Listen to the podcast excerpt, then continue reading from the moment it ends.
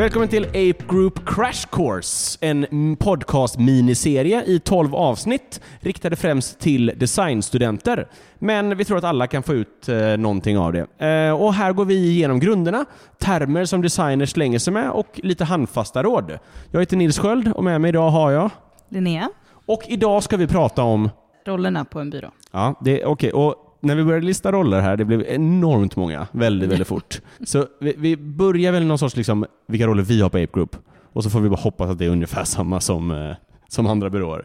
Det skiljer sig lite. Ja, och det finns en extrem eh, titelinflation i, inom eh, just den här eh, byråvärlden Det det. som eh, man behöver vara, som vi ska försöka förklara när vi går igenom hur vi har det uppdelat här på Ape Group. Yes. Jag vill börja med Design Director. Ja, Min, det är du. min titel. ja, men jag kan väl, och, och, och här är liksom så här, jag tror eh, Design Lead, UX Design Lead, alla de där grejerna passar nog in på ungefär den här titeln. Ja, men jag kan börja, vad gör vi? Vi leder designprojekt, sätter liksom scope, ser till att det på något sätt följs, antar jag.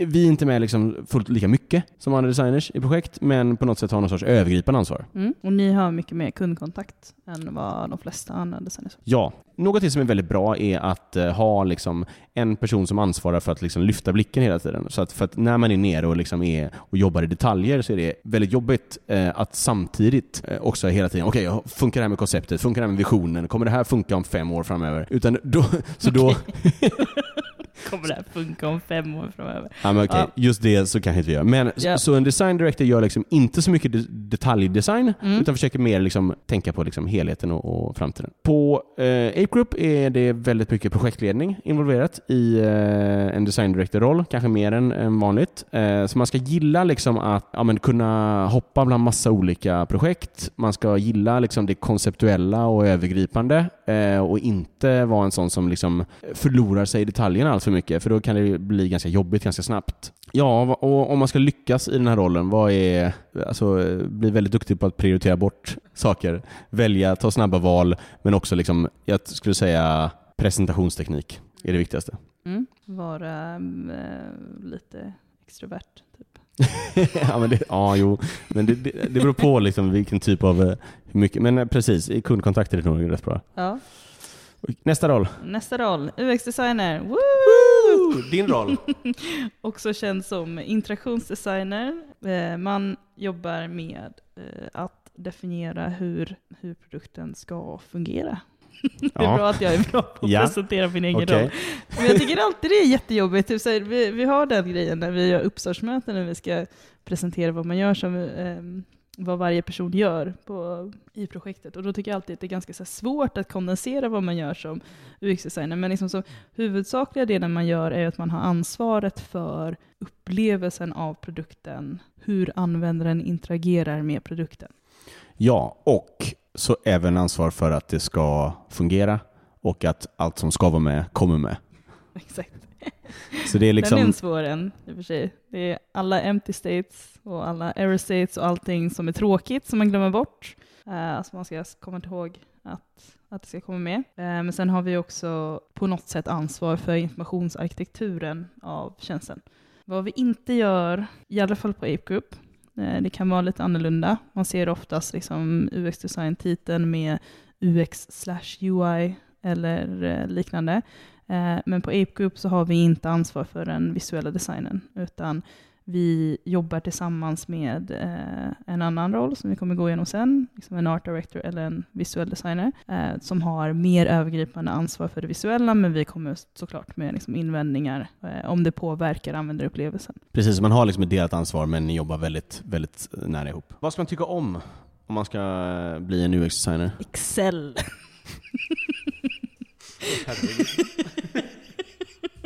Nej, Så, så älskar du det, då har du din roll. Nej, men man ska, jag tror att man måste, man måste tycka jättemycket om att organisera saker. Alltså du måste tycka om att hitta eh, saker som logiskt hänger ihop. Det här är liksom det viktigaste tror jag, att vara en UX-designer. Eh, för jag tror att många blir lite mm, carried away, liksom, att man tycker att ah, man kan göra typ knappar och liksom hur eh, alltså flöden och så. Eh, men, men mycket handlar ju också om att okay, du ska ta den här stora mängden informationen som kommer eh, från en produkt och sätta in det i ett format som är begripligt. och, och du måste kunna hantera ämnen som du typ aldrig har hört talas om förut. Som liksom, jag vet inte, just nu håller vi på med någon, ett projekt för corporate att liksom driva igenom en vision genom ett företag och de använder en process som vi aldrig hört talas om. Och då ska vi försöka översätta det här till någonting som är enkelt att använda och eh, ändå liksom fungerar enligt den processen. Så ja, Excel. Mm. Och något som också är, alltså det som jag tycker är det roligaste med eh, att vara UX-designer är att man är nästan alltid med hela processen. Man är med från start till slut. Jag brukar säga liksom, man är med i alla steg från typ idén, konceptet och sen ända ner till liksom att skriva release notes på App Store. Man är Ja. liksom med hela tiden. Man är lite av en spindel i nätet. Mm. Men det är inte bara tråkigt, Excel. Det, jag tror inte jag sålde den här rollen särskilt bra. Det är en kreativ roll också. Det är en väldigt kreativ roll. Man ska göra det enkelt att förstå, det är inte så Ja, lätt. Man får komma på med koncept, man måste göra saker enkla att förstå, man får skissa jättemycket eh, och jobba väldigt mycket bort från datorn. Vad ska man lära sig om man ska bli, vill bli en duktig UX-designer? Jag har gått igenom det lite redan, men det handlar ju liksom om du måste lära dig, du måste lära dig HIG, som är Human Interface Guideline, Ja. eh, för de olika, alltså HIG och eh, Material Design måste man lära sig. Man måste lära sig liksom, hur ser standardmönster ut på olika plattformar, eh, hur ser liksom, mönster ut på webben. Och det är egentligen inte för att du, du bara ska förhålla dig till dem, men du måste förstå ungefär hur folk är vana vid att använda en plattform för att du ska kunna bryta mot de reglerna om du gör det. Exakt. Och skriva. Och skriva. Bra, nästa. Art Director. Och det här är då, om den förra är interaktionsdesign eller eh, hur det funkar, så är det här hur det ser ut mer. Det är Mm. visual design. Och en art director är, och det här, här är så här, på en reklambyrå så är en art director typ det högsta man kan vara. Det är jättehögt. Eh, I digitala världen så har det gått fullständig inflation eh, och på flera byråer så heter man art director direkt när man kommer ur skolan. Eh, På Ape Group och på många byråer så är art director ofta en senior visual designer. Mm. Och då har man ett lite större Eh, alltså en, en art director ansvarar väldigt mycket för liksom känslan, när man, hur, vad, vad, vilken känsla man ska Ja. känna när man liksom använder en produkt. Och, och det är väl liksom, så det är mer fokus på helheten. Ja, Ehm, De är men, lite som design directors i den aspekten. Att Mm. liksom, eh, samma sätt som design directors oftast är mer involverade i själva konceptet så är design, eh, art directors mer involverade i eh, att sätta den här övergripande visual liksom, känslan och eh, det visuella konceptet. Mm.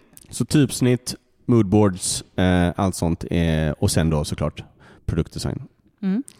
Och det de inte gör då, om vi ska försöka särskilja, vi har två roller på Ape, eh, på Ape Group, som är en som är art director och en som är visual designer. Och då, om vi ska särskilja dem då, så det man inte gör som art director är typ göra ut assets, typ ikoner och se till att, som till exempel om du, om du eh, designar för en eh, Android eh, app så behöver du göra ut väldigt mycket Mm. eh, element i väldigt många olika storlekar. Till exempel en App Store-ikon behöver vara liksom fem, sex storlekar och göra ut dem rätt och se till att liksom, de är jävligt bra gjorda och funkar i utveckling och sånt. Det, brukar in, det är mer en visual designer som gör. Ja. Eh, Medan en art director har liksom lång halsduk på sig och, Eh, från eh, och pratar om kägel. Typsnitt! Oj, det måste du kunna allt om. För det. Nu ska du körna den jäveln. Ja, Eh, exakt. ja. ja, men exakt. Om man ska hårdra liksom skillnaden mellan eh, både liksom art directors och visuella designers och UX-designers och kondensera det till något väldigt enkelt så är det liksom att eh, UX-designers gör wireframes och det gör inte art directors. Ja, och de flyter ihop för våra art directors gör wireframes och, eh, och även eh, design assets.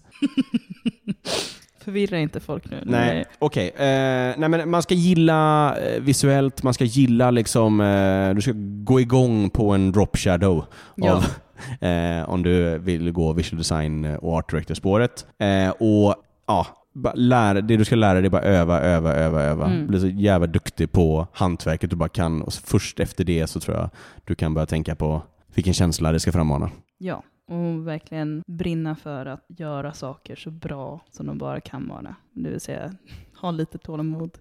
Inte vara någon som bara vill liksom hoppa på nästa grej utan eh, tycka om att förfina och göra det verkligen så att det är perfekt.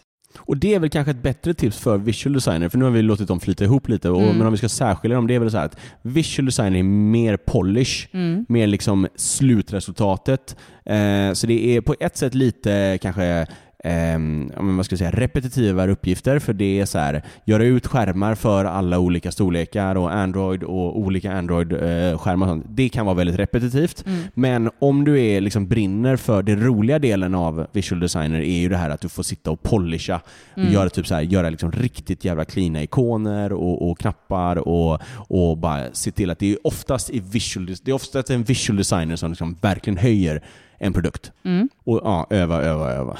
Öva, öva, öva. Ja, men exakt. Men det är ju liksom tips för art. Om man vill bli en art director så måste man, du måste egentligen ha gjort väldigt mycket. Ja. Nej, men, och en art director, eh, om du ska öva på just den rollen så är det att kunna förklara varför en design är bra. För en visual designer kan bara visa vad man har gjort och så ser man om den är bra eller inte. Nej, men, nej, men exakt, du måste, kunna, du måste kunna argumentera för varför du har valt en viss visuell stil på något sätt. Alltså alla dina val, färg, form, typsnitt. Det måste finnas en förklaring bakom dem eh, som relaterar till liksom, vad är syftet med den här produkten. Vilket för oss in då på en roll som vi inte har på Ape Group i nuläget, men som är en creative director. Eh, och en creative Mhm. director, den personen ansvarar helt och hållet för den kreativa höjden och designkvaliteten på leveranser. Som en Mm. design director har, handlar det liksom om, koncept och prata med kund och liknande. Så är en creative director 100% bara kvalitet på leverans. Och där snackar vi kunna förklara varför en design är bra. Och, eh, liksom, men framförallt så är en creative director ofta är väldigt ofta eh, ansvarig för att eh, all design rimmar med varumärket och att det liksom inte är off så att allt hänger ihop och allt känns så som det här varumärket ska kännas. Mm. De är oftast högst creative directors och ofta är en designchef och en creative director samma person. Ska vi prata om vad man, eh, hur man blir en eh, creative, director? Ja, Jag tror att det är lite svårt Ja. eh, eftersom det... Om du är nyexad så tror jag du, du har några år framför dig. Men däremot kan vi ju säga att eh, leta reda på creative directorn där du börjar och lär dig allt du kan av den personen. För de är oftast väldigt, väldigt duktiga. Och sen har vi copywriter. Copywriter. Vad är de? UX-writer. Ja, det är nya termer. Ja. Vad gör en... eh, En copywriter sätter oftast tonaliteten eh, för en design. Eller liksom för en, en produkt kan man, eh, de skriver liksom en copyguide eh, för, okej, hur ska den här produkten låta? Eh, vad har vi för liksom, vad strävar vi efter med texten som finns i den här produkten? Och den här rollen kan oftast flyta in lite liksom på UX-designområdet eh, eftersom det finns väldigt mycket copy i en produkt som är viktig att den är enkel att förstå. Eh, så det är, ja, men ett enkelt exempel är ert Fortum-exempel där ni bytte, bytte texten på en knapp från, bekräfta till nästa. ja, Och ökade konvertering med eh, 19%. Kul att du frågar. Eh, nej men exakt, det är en designer med text. Istället för Photoshop så är det Word. eh, eller och Excel. vi behöver mer sådana inom digital design. Mm. De är en hörnpelare i eh, reklam, men eh, har eh, liksom, text behandlas lite mer styvmoderligt inom digital design, Ja. tyvärr. Exakt. Att ha den här rollen på en byrå gör att man kan ha ett annat erbjudande mot kunder som oftast är lite, jag vet inte, content kan vara en eftertanke för väldigt många liksom, som beställer ett projekt. De tänker inte riktigt på vad det är som ska stå på, liksom, om man beställer en extern hemsida eller om man beställer en produkt, eh, vad det är som egentligen ska fylla den produkten. Eh, Så en copywriter kan vara väldigt bra för att liksom etablera, okej det här är någonting som kommer funka för den här produkten och ta fram då content eh, till viss del. Ja, och tips på saker man ska lära sig för att lyckas är väl egentligen eh, skriva så mycket Skriva. man bara kan. Men skriva eh, liksom i olika tonaliteter. Precis, för du, när du jobbar på en byrå så är det inte din röst som du ska skriva utifrån. Du är inte författare, Mm. utan det är kundens röst. Och, och det är ju den delen som copywriters gör väldigt bra. De kan skriva utifrån eh, flera olika röster beroende på vad som passar kunden bäst.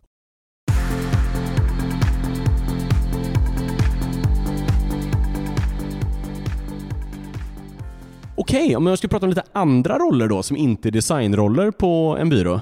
Ja, men börja med eh, utvecklare. Utvecklare, våra bästa vänner. Ja, då börjar vi med då front-end. Vad gör de? Eh, de gör allting som syns i en app, egentligen. eller i en app säger jag, men, men eh, i en app eller en webbsida så gör de den biten som användaren ser. Precis, och nu kommer vi prata ur ett designperspektiv. De är ju lättast att ha att göra med, Ja. för de är, de är närmast oss. Eller i och för sig, jag tycker ju om backend-utvecklare. Jag älskar backendutvecklare, men de är fan inte som oss. Sant. Nej men precis, så, så de är ju nästan liksom designers. Eh, På vissa, vissa byråer så är det till och med så att fronten tillhör design. För att de, de gör ju, och de sitter ju väldigt mycket med, eh, ja men dels eh, accessibility och liknande, men de sitter ju också väldigt mycket med animationer och, och liknande. Mm. Och det här ska vi inte prata om vad som krävs för att bli dem, utan vi ska egentligen bara gå igenom. Ja, exakt. Men eh, när man jobbar tillsammans med en frontendutvecklare som designer, eh, då har du liksom, ja, du ska förklara hur allting ska hänga ihop. Beroende på liksom vilken roll du har så kanske du har ett ansvar att leverera assets till dem, eller så har du ett ansvar att leverera flödesscheman till dem. Eh, bara så att se till att de förstår exakt hur produkten ska se ut och hur den ska funka, så att de kan koda det. Mm. Var god vän med frontendutvecklarna. Ja, exakt. Köp, köp dem öl. Ja. Jolt Cola. Cola. Ja. Men, då- och då går vi över till, då till eh, backendutvecklare. Mm. Det är sådana som när de kollar på en hemsida så högklickar de och tar show source. det är ingen som använder showsource, Alla- alla använder inspect. Okej, ja, men där märker man ju hur... hur nej, men backendutvecklarna, det är ju egentligen de som får det. Det är ju, det är ju de som... De är ju liksom arkitekter kallas de, de är Ja. system. De sitter ju med tung, tyngre grejer. Exakt, men nu, vi kan ju liksom säga att backendutvecklare, nu pratar vi väl lite om så här backendutvecklare och systemarkitekter på typ samma sätt, Mm. men de är typ inte samma sak, Okej. har jag fått reda på. Kan du förklara skillnaden? Eh, nej men eh, arkitekter kommunicerar med en databas medans eh, backendutvecklare gör databasen. Okej. Tror jag, jag vet inte. Nu hörs det verkligen Mm. att jag inte vet. Men eh, okej, och jobba med backendutvecklare, ja, det är bara... Jag brukar liksom eh, visa hur mycket jag kan om teknik i första möten. Har ni byggt den här i vi eller? Eh, prata lite Node.js i tio minuter typ. och Så här. Då de bara, fan det här Nils är fett skön alltså. Ja, exakt. Node.js. Ja, det är ett frontend. eh, Nej, men de kan ofta japanska utan till. Okej. Nej, men äh, backendutvecklare, de, ehm, alltså, de behöver förstå logiken bakom det du vill göra. Och det är jätte, jätteviktigt att du kommunicerar med dem ordentligt kring liksom vad du vill kunna åstadkomma med produkten så tidigt som möjligt. För att kommer du sista minuten och säger att du vill lägga till någonting så kan det antingen ta 300 år att implementera eller typ en dag. Och du vet inte. Men om de hade byggt det så från början så, så är det mycket enklare att göra den kopplingen. Precis, helheten är liksom A och O för backendutvecklare. Ja. Om fronten kanske är mer intresserad av vi för vi, hur de ska Mm. se ut och fungera, så är det liksom flödet och helheten som är det backen vill ha. De behöver veta vilken data det är de ska kunna ha tillgång till och hur de ska kunna leverera det till fronten. Och sen finns det en eh, roll som egentligen heter då full stack developer. Och det betyder egentligen bara att man kan allt. Ja, exakt. Och de, jag vet inte, alltså så här, sådana utvecklare brukar, brukar få vara med i tidigare skeden av projekt, till exempel koncept. Just det, och vi ska ha ett avsnitt om koncept, så då kan vi prata mer om dem och creative technologists och sådana här. Bra, och då går vi över till resten egentligen. Alla projektledare på Ape Group sitter och lyssnar på det. Men vad bra, vad gör en projektledare? De eh, leder projekt. Korrekt. Och, och, men det, de ser till att allt rullar på. Ja, Och den, i den enklaste, enklaste formen så är det liksom möten är bokade, kunden är, är, vad heter det, med på vad som händer. Eh, men det är också jättemycket liksom hålla ihop gruppen och se till att eh, det inte läggs tid på fel saker. Och sen är det också typ så här, ja, men, att, att liksom budget hålls och skicka offerter och sådana saker. Så det, de är en, liksom en administrativ men en väldigt liksom involverad roll. ja, och det är lite otacksamt för jag tycker så här, när du har haft en riktigt bra projektledare så märker du typ inte ens att de finns. De är som design. De, de är bara där. Alltså allting bara funkar Yes. och eh, du behöver inte tänka på någonting förutom det du faktiskt ska göra. Precis. Det enda, nej men exakt, du märker av projektledaren när det är dåligt. Ja.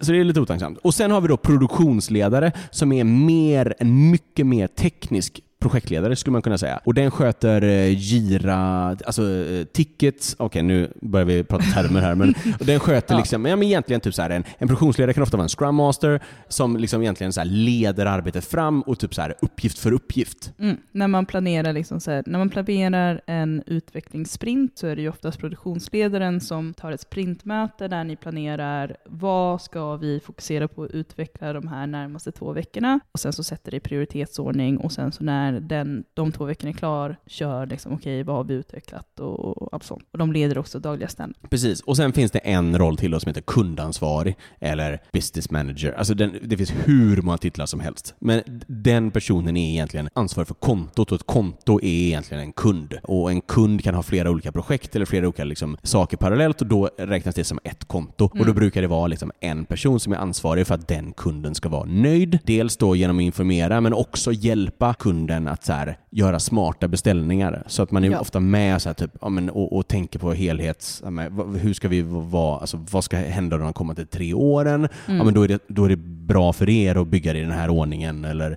vi borde ta reda på det här.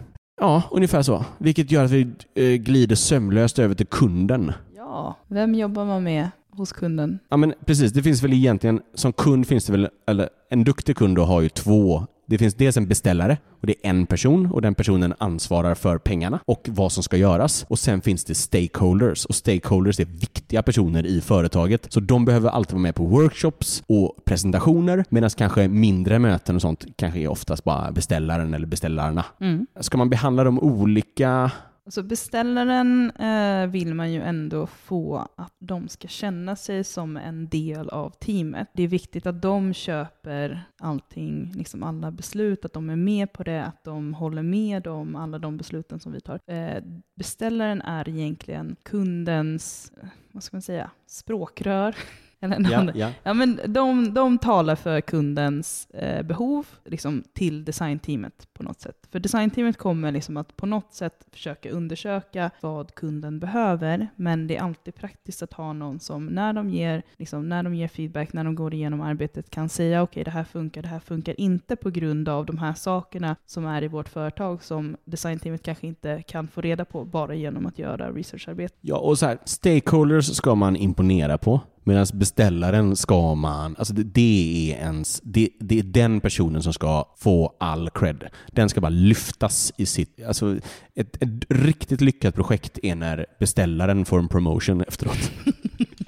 Det är din Okej. champion, den ska du fokusera 100% på Exakt. och inkludera i teamet och andra saker. Och, sta- och stakeholders ska man bara säga, de är viktiga som fan, imponera. Ja, men liksom, eh, helst så ska man inte presentera för beställaren. Eller man ska presentera för beställaren när man presenterar för stakeholders också. Men du ska försöka att ha en mer liksom, ad hoc-relation med beställaren. Att man kan ta informella möten och prata igenom saker utan att det blir så dramatiskt egentligen. Ja, precis. Okej, så för att sammanfatta då.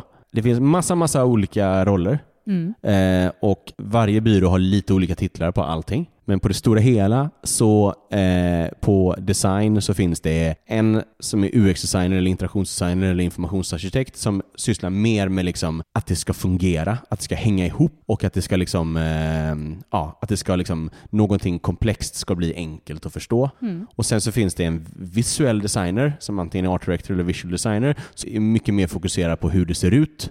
Och sen finns det någon liksom design director eller liknande som, handlar, som har mer ett helhetsansvar och kanske också mer kundansvar. Och sen finns det creative director som ofta är the head honcho eh, och så finns det copywriter som designar med text. Och sen så finns det massa tech, men man kan liksom bryta ner det egentligen till frontend och backend eh, och där man ska fokusera på lite olika saker. Och sen har vi projektledare, produktionsledare och kund Kundansvarig. och kundansvarig också såklart. Det är svårt att hänga med i det här. Vi har jobbat flera år här på April och har fortfarande svårt att förstå vad vissa gör. Uppenbarligen. Ja, eh, vad gör du? Eh, man vet ibland kanske inte själv vad man själv gör. Nej, exakt. Och det kan vara lite svårt, alltså speciellt när man kommer till, ja men när man ska presentera sig själv, vad man gör. Men också om man kommer till ett företag och de frågar dig i en intervju, vad gör en liksom, UX-designer enligt dig? För det kan vara jättesvårt att veta vad eh, liksom, de förväntar sig att du ska säga. Precis, och det för oss in då på vårt nästa avsnitt som kommer handla om eh, att, Intervjuer. precis, att få ett jobb. Och då ses vi då. Hej då! Ja, hej då!